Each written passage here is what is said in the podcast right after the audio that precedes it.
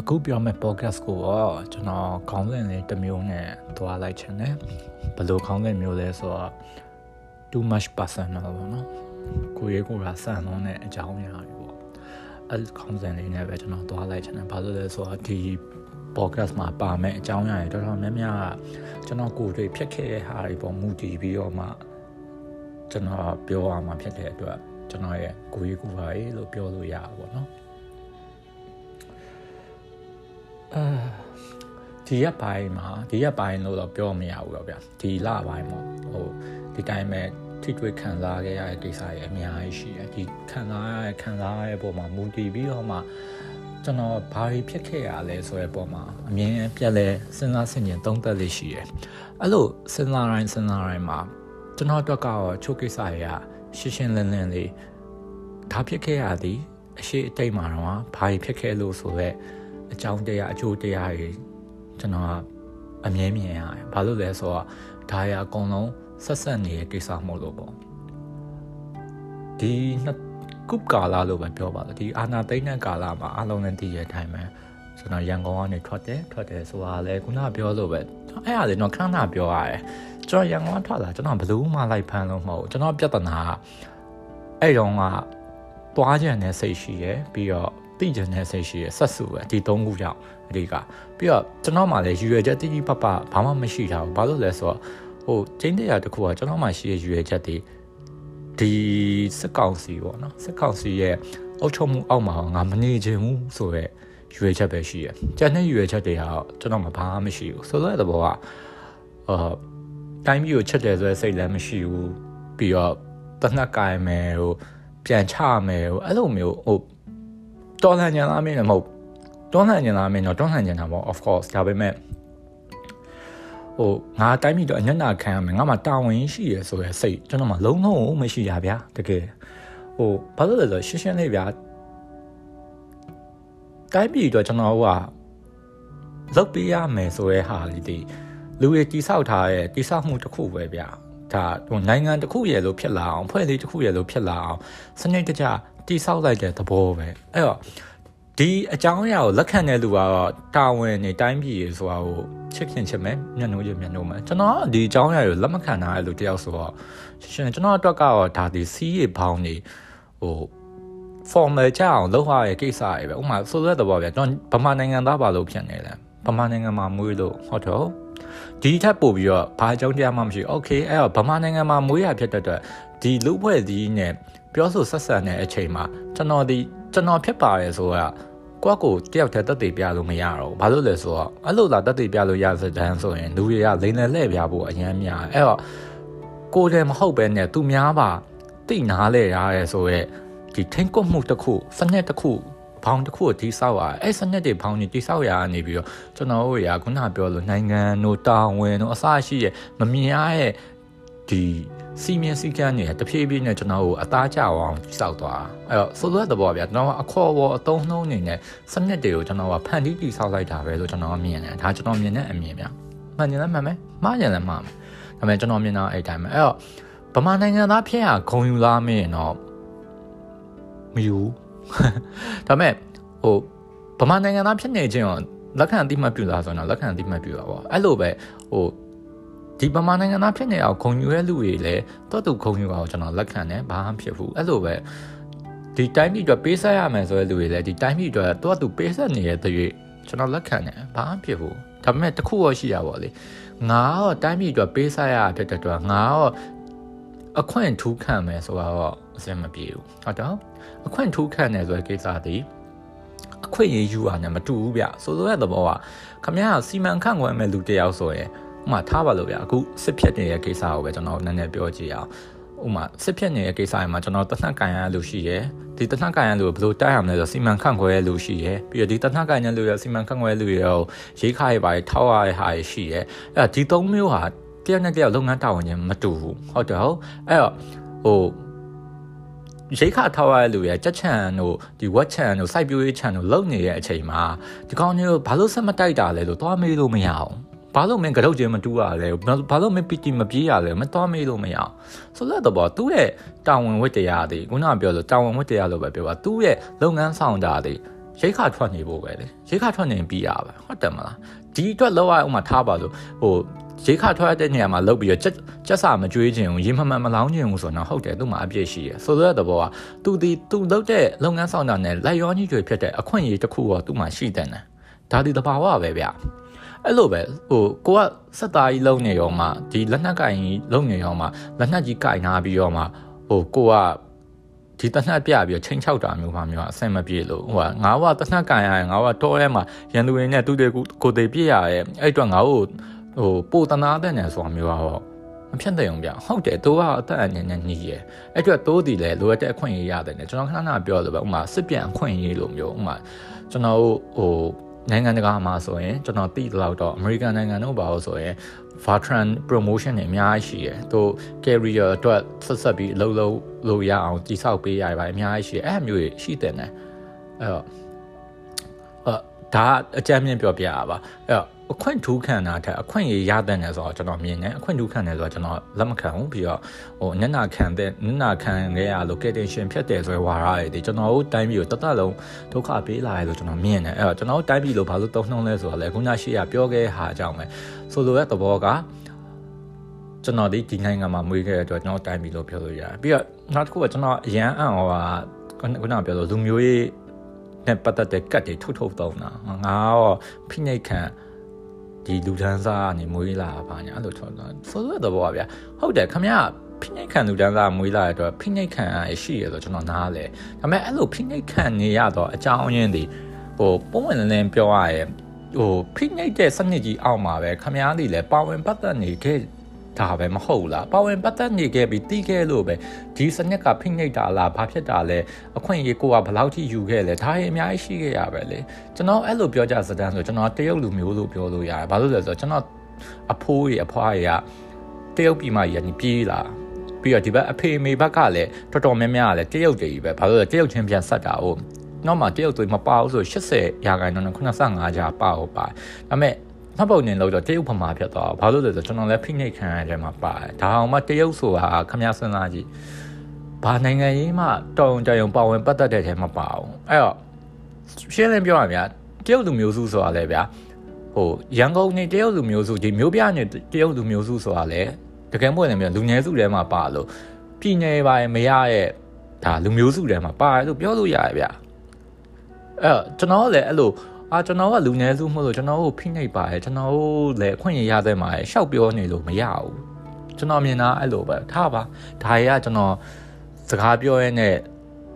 တောင်ရောက်မြောက်ရောက်ရောက်သွားတာဒါပေမဲ့ကျွန်တော်ခံစားရတော့အဲ့တိုင်းပဲအဲ့တော့ဒီရေးသားရဲ့အပြောအဆိုတွေကိုကျွန်တော်ကတော့လက်ခံပြီးတော့တကူရေတကာရအားဖြင့်တော့ညင်းပယ်တယ်ကျွန်တော်အတွက်ကတော့ဘာကြိုးတက်ရောက်မှမရှိဘူးဒါပေမဲ့ ကျွန်တော်လှုပ်ရှားရှိရလို့ထင်တာကျွန်တော်လှုပ်တယ်လှုပ်တဲ့နဲ့ထင်တာကိုကျွန်တော်လှုပ်တယ်ဒါပဲကျွန်တော်ဟာရောကျွန်တော်တော့ဘာမှအရေးမကြီးဘူးဟိုသူများရေတက်တာရဲ့လမ်းမရွေးပဲနဲ့ပိုခက်ခဲကြမ်းတမ်းတဲ့လမ်းရွေးရလူတွေကိုရောကိုယ်အနေနဲ့ချီကျူးရမယ့်ကိစ္စတတ်တတ်ဒါဘာမှဝင်လေးစရာမဟုတ်ဟိုမှာကျွန်တော်မိတ်ဆွေတချို့ဆိုရင်တော့ရဲမှာအခုထိရှိနေတော့မှာကျွန်တော်နဲ့မတည့်တချို့ဟိုကျွန်တော် found ထုခဲ့ပဲထားပါဗျာတကယ်တော့ဒါလည်း found ထုရလို့ပြောလို့မရပါဘူးဥမာ ဖောင်းထုတ်ခဲ့ဖောင်းထုတ်ခဲ့ချို့သူရဆိုအခုဒီကားတစ်စင်းနဲ့ဒီညမီထဲမှာထောက်ဖို့လုပ်နေတော့မှဒါသူ့ရွေးချယ်မှုနဲ့သူ့အကြောင်းကိစ္စပဲကျွန်တော်အနေနဲ့လေးစားသမှုရှိရမှန်တယ်ဒါပေမဲ့သူ့လိုက်ပြီးတော့ကိုးခွေစရာအကြောင်းတော့မရှိဘူးလို့ကျွန်တော်ထင်တယ်အဲ့တော့ကျွန်တော်ပြောရရင်လည်းနည်းနည်းဝေဝါးသွားပြီအဓိကပြောချင်တာအဲ့အမဟုတ်အဓိကပြောချင်တာကအဲရန်ကုန်ကထွက်လာတော့ရန်ကုန်ကထွက်လာတော့ဘာလို့ပြန်လို့မရဘူးလဲဆိုတော့ကျွန်တော်ခဏခဏပြောခဲ့ဘူးသလိုပဲကျွန်တော်က အိမ်ကနေပြီးတော့အိမ်ကနေဆိုတာတက်အထိအလုတ်ကနေပြီးတော့ကျွန်တော်ကင်မရာနဲ့ကျွန်တော်ပတ်စံလေးကျွန်တော်ပြန်တောင်းတာတောင်းပြီးတော့ဒီဘက်မှာလှုပ်ဆက်ရှိတဲ့ကိစ္စလေးရှိလို့ကျွန်တော်ပြန်တောင်းတာလမ်းမှာစကားစားဖြတ်ဖန်ခံရပြီးတော့အဲပြီးတော့ဝရမ်းမထုတ်ပဲနဲ့ကျွန်တော်တိတ်တိတ်လေးလိုက်ရှာနေတယ်တိတ်တိတ်လေးလိုက်ရှာနေတော့လည်းဘလို့သိတယ်လို့ပြောရင်အင်ကြီးလာလာမေးရဲအဲ့တော့အဲ့အနေပဲကျွန်တော်ဒီဘက်မှာရောက်လာတယ်ပေါ့နော်တဖြည်းဖြည်းနဲ့ကဲထားပါ အဲ့တော့နေမီထဲမှာရောဒီဘက်တစ်ဖက်ကမ်းမှာရောကကျွန်တော်အနေနဲ့ကလုံးဆရာမရှိဘူးဗျဟိုတော်လိုင်းတော့ဘလောက်ပဲလုံးတယ်ပြောပြောလေနော်ဒါပေမဲ့ကျွန်တော်ကကြီးကွယ်မျက်ကွယ်ရအောင်နေပြီအဲ့တော့အများစုအချိန်မှာကျွန်တော်ကအချင်းချင်းစကားပြောကြဒါဒီကိစ္စကိုအဓိကအားဖြင့်လောက်ကြရဲပေါ့လေအဲ့တော့ဒီကိစ္စကိုလောက်တဲ့အချိန်မှာအဓိကအားဖြင့်တော့ဘာဖြစ်လာလဲဆိုတော့ဟို ကျွန်တော်ကကိုအကြောင်းကိုပြောရတဲ့အခါမှာတငယ်ချင်းမိတ်ဆွေကကောက်ချက်အမြဲချရန်ဒီလိုပုံစံမျိုးသာဆက်နေသွားရဲ့ရန်အရန်ထီးကြံမှာပဲဆိုတာမျိုးကျွန်တော်အမြင်ပြောတယ်အထီးကြံမယ်အထီးကြံလိမ့်မယ်အထီးကြံမယ်အထီးကြံလိမ့်မယ်ကျွန်တော်အဲ့ဒါအရန်ဟိုတော်တော်ပြောခံပြောခံအချိန်မှာကျွန်တော်ပြန်စဉ်းစားကြည့်ဟုတ်လားငါဟိုဒီလိုဆက်နေငါအထီးကြံမှာလားအထီးကြံဆန်ဆန်ကြီးပဲနေသွားမှာဘာလို့လဲဆိုတော့ ဟိုလူရဲလို့ဖြစ်လာရင်တော့ဗောနော်ကျွန်တော်ကုံတော့အထီးကျန်နေဆိုတာကိုကြောက်ကြရပဲဗျာဒါအငဲငယ်များပဲနည်းနည်းကြောက်ကြရှိရဲမြန်မြန်ကြောက်တာရှိရဲကျွန်တော်ကမကြောက်သားမင်းကြောက်တာဗောဒါပေမဲ့ကျွန်တော်အထီးကျန်တာထက်ဆိုင်တယောက်ယောက်နဲ့ရှိနေရင်းနဲ့အထီးကျန်ကပူကြောက်တယ်ဗျာဆိုတဲ့သဘောပါဗျာကျွန်တော်ဒီတယောက်ယောက်ကိုရွေးရမှာပဲဟုတ်တယ်မလားကျွန်တော်တယောက်ယောက်ကိုရွေးချင်ကြတယ်ကျွန်တော်ရွေးချယ်မှုတွေ အကြောင်းပြချက်တစ်ခုခုအခြေခံပြီးထွက်လာပဲဆိုတဲ့သဘောဗျာမိဘပေးသားလို့ဖြစ်စေဟိုကိုနဲ့အဆင်ပြေမယ်ထင်လို့ဖြစ်စေချစ်လို့ဖြစ်စေဒါလိုမျိုးထွက်လာပဲထွက်လာရဲ့အချိန်ကြရဲ့ကျွန်တော်တို့ဒီဘာဖြစ်မလဲလို့ပြောရင်ဒီ ဒီထွက်လာရဲ့အကြောင်းပြချက်ပေါ်မူတည်ပြီးတော့ကျွန်တော်ကကျွန်တော်ရဲ့ဘဝကြီးကိုတိဆောက်သွားရတိဆောက်သွားရဲ့အချိန်ကြရင်ခုနကပြောလို့တလန်တမယာစနစ်တို့ခုနပြောမိသားစုကိုဒါကြီးကိုတိဆောက်လာတိဆောက်လာရမိသားစုနဲ့တိုက်တိုက်ဝင်မနေခြင်းမူလားပေါ့အဲ့လိုမျိုးဟိုတခါလေးမေးလာတဲ့ခါကျရင်ကျွန်တော်အတွက်တော့နည်းနည်းတော့ရှုပ်ထွေးရဲ့အပိုင်းခြားမှရှိရဘာလို့လဲဆိုတော့ပထမကျွန်တော်ရဲ့မေးခွန်းကငါမိသားစုကိုလိုလားပေါ့နော် မှထားပါလို့ကျွန်တော်လိမ့်ဆက်ဆန်တဲ့အတွက်ကျွန်တော်ကလေးရရဲဆိုတော့ကျွန်တော်လက်ခံလို့ရတယ်ကလေးရတဲ့အချိန်မှာဒီကလေးကိုကျွန်တော်ပြုစုပြိုးထောင်ပေးရတယ်ဆိုတော့ကျွန်တော်နားလေလက်ခံတယ်ဒါပေမဲ့တစ်ချိန်တည်းမှာပဲဘာဖြစ်လဲဆိုတော့ကိုကကိုနဲ့လည်းဟိုကိုနဲ့လည်းမတိမကျွမ်းတဲ့ဒဇိန်တယောက်လို့ပဲကျွန်တော်ပြောပါလို့ဒီဒဇိန်တယောက်ဒီလူဒီဘာဖြစ်လာမလဲလဲမသိပဲနဲ့ဒီဒဇိန်တယောက်ကိုကျွန်တော်ကအသက်18 20နောက်ဆုံးကန်ဆိုရင်30လောက်ထိ ပြုစုပြိုးထောင်ပေးဖို့ဆိုတာတကယ်ရောလိုအပ်လားဟိုလုံခဲ့နှစ်တရာ200လောက်ကတော့တမျိုးပေါ့ဗျာလုံခဲ့နှစ်တရာ200လောက်ကတော့ဟိုထားပါလို့1820လောက်ကဆိုရင်တော့ဒါလူသားလူသားမျိုးနွယ်ရနည်းနည်းနည်းသေးရလေနော်ဒါမှမဟုတ်လွန်ခဲ့တဲ့နှစ်900လောက်ကတော့1520နှစ်လောက်ကဆိုရင်ဟိုနည်းနည်းရောနည်းသေးရလေနော်နည်းသေးရောဒုတ်အားရလိုပဲဟိုပြီးတော့ဒီလူသားဆိုရဲ့ မျိုးနွယ်စုကြီးတိုးတက်ကြီးပွားလာဖို့များလာဖို့လိုတယ်ဒါပေမဲ့အခုခေတ်မှာကြည့်ကြည့်လိုက်ရင်ခမရလူသားဆိုတာကြီးကဒီကဘာကြီးမှာစဉ်းစားကြည့်လိုက်ဗျာတန်းအောင်ထောင်နဲ့ချီရှိနေပြီနောက်ထပ်ကောလိုရလို့လားကျွန်တော်အတွက်ကတော့အရင်လိုအပ်တယ်မထင်ဘူးဟိုဒါလူသားမျိုးနဲ့လူကြပြောတာကိုယ့်အတအတွက်ဆိုရင်တော့တမျိုးဟုတ်တယ်ဗျာကိုယ့်အတအတွက်ဆိုရင်တော့ဟိုခိုင်းစားလို့ရမယ် သူတွေရှိထားရဲဆိုတော့ကောင်းတာပေါ့ဒါကိုယ့်အတအတွက်ဒါပေမဲ့လူရဲလို့ဖြစ်လာရဲ့ဗျာခမရစဉ်းစားကြည့်တယ်ဗျာကိုကိုရိုင်းအောင်ကိုမိဘအတွက်ဆိုပြီးတော့တသက်လုံးအသက်ရှင်နိုင်လားပေးဆက်နိုင်လားဒါမွေးရတာပဲကျေးဇူးရှိရဲဒါမိဘအတွက်ပဲဟိုကြုံခံအလုပ်လုပ်ပေးမယ်ဆိုရဲစိတ်မျိုးရှိလားမရှိဘူးမှတော့ခမရအောင်မရှိရဗျာခမရမွေးမယ်ကလေးရဘလို့ရှိမအောင်ကိုအောင်မကိုမိဘအပေါ်မှာဘယ်လောက်ထိဟိုပေးဆက်နိုင်သေးလို့လဲ အဲ့တော့ကိုကလေးကလည်းကိုပေါ်ပေးဆက်မယ်လို့ကျွန်တော်မျှော်လင့်တာတော့မရအောင်ပြီးတော့မျှော်လင့်တာလည်းအဆင်မပြေဘူးဒါပထမတစ်ခုပြီးတော့ဒုတိယတစ်ခုကအဲ့မိဘဆိုတာကကျွန်တော်ကရွေးချယ်မှုလုပ်လို့ရဆိုတော့တော့ကလေးယူမယ်မယူဘူးဆိုတာကျွန်တော်ကရွေးချယ်လိုက်လို့ရဒါပေမဲ့ကလေးကရွေးချယ်ခံရတဲ့ဟာဗျာတို့မှဒီမိဘရွေးချယ်လိုက်တဲ့အတိုင်း ပေါက်ဖွာလာတဲ့ကိစ္စအဲ့တော့ကျွန်တော်မှလုတ်ပေးရမယ်ဆိုရဲဟာကြီးရရှိလာပြန်တာဝန်ပဲခေါ်ခေါ်ပါပဲခေါ်ခေါ်ဗျအဲ့ရရှိလာပြန်အဲ့ဒါကြီးကကျွန်တော်တော့စဉ်းစားကြည့်လိုက်အောင်တော်တော်အဆင်မပြေဘူးကျွန်တော်ကပလိန်သူတယောက်ကိုကျွန်တော်မွေးထုတ်လိုက်မယ်တယောက်ယောက်နဲ့အဲ့ငွေထုတ်လိုက်တဲ့လူကနောက်မျိုးဆက်ဖြစ်လာမယ်ဒီနောက်မျိုးဆက်အတွက်ကျွန်တော်ပစ္စည်းတွေဥစ္စာတွေကျွန်တော်ရှာခဲ့ရမယ်ပြီးတော့သူ့ကိုလည်းကျွေးမွေးပြုစုဆောက်ရှောက်ရမယ်ပြီးရင်ကျွန်တော်ရှာခဲ့ပစ္စည်းဥစ္စာတွေကသူ့ကိုကျွန်တော်လွှဲပေးခဲ့ရမယ်သူကအဲ့ပစ္စည်းဥစ္စာတွေနဲ့ အဲ့လိုပဲမိသားစုတစ်ခု test တိဆောက်မယ်ထပ်တိဆောက်ထားတဲ့ဒီမိသားစုပေါ်မှာမူတည်ပြီးတော့မှသူကသူ့ရဲ့သားသမီးအတွက်ကျွန်တော်မြည်ပေါ့နော်သူ့သားသမီးအတွက်သူကဒီဥစ္စာတွေဖန်တီးမယ်ပြင်သူကထပ်လွှဲခဲ့မယ်အဲ့မျိုးစောကနေနောက်ထပ်နောက်ထပ်နောက်ထပ်ကျွန်တော်ရဲ့မိသားစုနာမည်တစ်ခုအနေနဲ့အဲ့လိုကြီးတွားဆိုတာကြီးဘာအဓိပ္ပာယ်မှမရှိဘူးထင်တာပဲကျွန်တော်တို့တော့ဟုတ်အရင်ခက်တော့ရှိရင်ရှိခဲ့မှာပေါ့အဲ့တော့ဆိုလိုတော့တလင်တမယာစနစ်ဆိုတာကဟိုကောင်းလားမင်းတော့ကောင်းတယ် သူ့မှာကောင်းတဲ့ချက်တွေအများကြီးရှိတယ်ဒါပေမဲ့ကျွန်တော်အတွက်ခက်မိရလို့ခံစားရလားမင်းတော့ကျွန်တော်ခက်မိရလို့မခံစားအောင်တလင်တမယာစနစ်ဆိုတာရှေ့ယူဆွဲစနစ်တစ်ခုလို့ပဲကျွန်တော်ခံစားရတယ်အဲအဲ့လိုပြောလို့အာရန်နိုင်ရဲ့မင်းကမိမအများကြီးနဲ့ပတ်အိတ်ချင်လို့ကြီးစကားပြောရပါဆိုတော့အဲ့လိုလည်းမဟုတ်ပြန်အောင်ဗျာကျွန်တော်လည်းဖြစ်နိုင်တော့မိမအများကြီးနဲ့တယောက်နဲ့အိတ်လိုက်ပြက်လိုက်တယောက်နဲ့အိတ်လိုက်ပြက်လိုက်အဲ့လိုမျိုးမလုပ်ချင်ဘာပြော ကျွန်တော်လည်းခံစားရပဲကျွန်တော်လည်းလူပဲစိတ်ခံစားကြလို့ရှိရပဲဘယ်သူနဲ့မတွေ့ရသည်ဖြစ်စေကျွန်တော်မှလည်းဒဏ်ရာနာတရားလို့ရှိရပဲဒါပေမဲ့ဒါတော့ဗျာကျွန်တော်ပြောရဗျာဟိုကျွန်တော်အတွက်ကထမင်းစားပြီးလက်ဆေးရတဲ့ဘောပဲထမင်းစားပြီးရင်တော့လက်ဆေးရမှာလက်မဆေးချင်တော့ကိုယ်ကထမင်းမစားခဲ့ဖို့ပဲရှိရဲအဲ့တော့လက်ခံထားလို့ရရဲ့ကိစ္စကြီးပဲအဲ့လိုဆိုတော့ကျွန်တော်အတွက်က ဒီအထီးကျန်မှာဆိုရဲဟာကြီးကိုကျွန်တော်ဒီကြောက်လာမင်းတော့ကြောက်တယ်ဒါပေမဲ့ကိုကတယောက်တည်းအထီးကျန်နေရထက်ဆိုင်ရင်လူကြီးအများကြီးကိုဘေးရှိပြီးတော့အထီးကျန်ရတာပိုဆိုးရလို့ကျွန်တော်ထင်နေဗျအိမ်အောင်ပြုတ်သွားတဲ့လူကြီးကြည်လိုက်ရင်လေတို့ရဲ့ကောင်တော့လှုပ်ဝက်ချက်လေးနဲ့တို့ရဲ့ကောင်ကခင်ဗျဘလောက်ဆင်ပြေအိမ်အောင်မဖြစ်ဖြစ်နော်လှုပ်ဝက်ချက်လေးနဲ့သူ့ဇနီးမသေးလှုပ်ဝက်ချက်လေးအများကြီးပဲဆိုတော့တဘောဟို ကျွန်တော်မြင်တာဗျအဲ့လိုမျိုးကြီးတိန်းသားနေရမှာတော့ဘာလို့ဘာလို့အိမ်အောင်ပြုတ်နေရမလဲပေါ့နော်ဟုတ်တယ်လေကျွန်တော်ပြောလိုအပ်လို့လားအဲ့လိုမျိုးကြီးဟိုကိုကတိတ်တိတ်ကြီးသိမ်းထားနေအောင်ပေါ့ဒါကြီးကအချီးကျန်လိုက်တာကျွန်တော်မြင်တာဟုတ်တယ်မလားကျွန်တော်ပြောအဲ့လိုမဟုတ်ပဲねတကယ်ရတော့အကုန်မျှဝေလို့ရရမယ်လေဟုတ်တယ်နော်ကိုကအကုန်မျှဝေဖို့ပဲ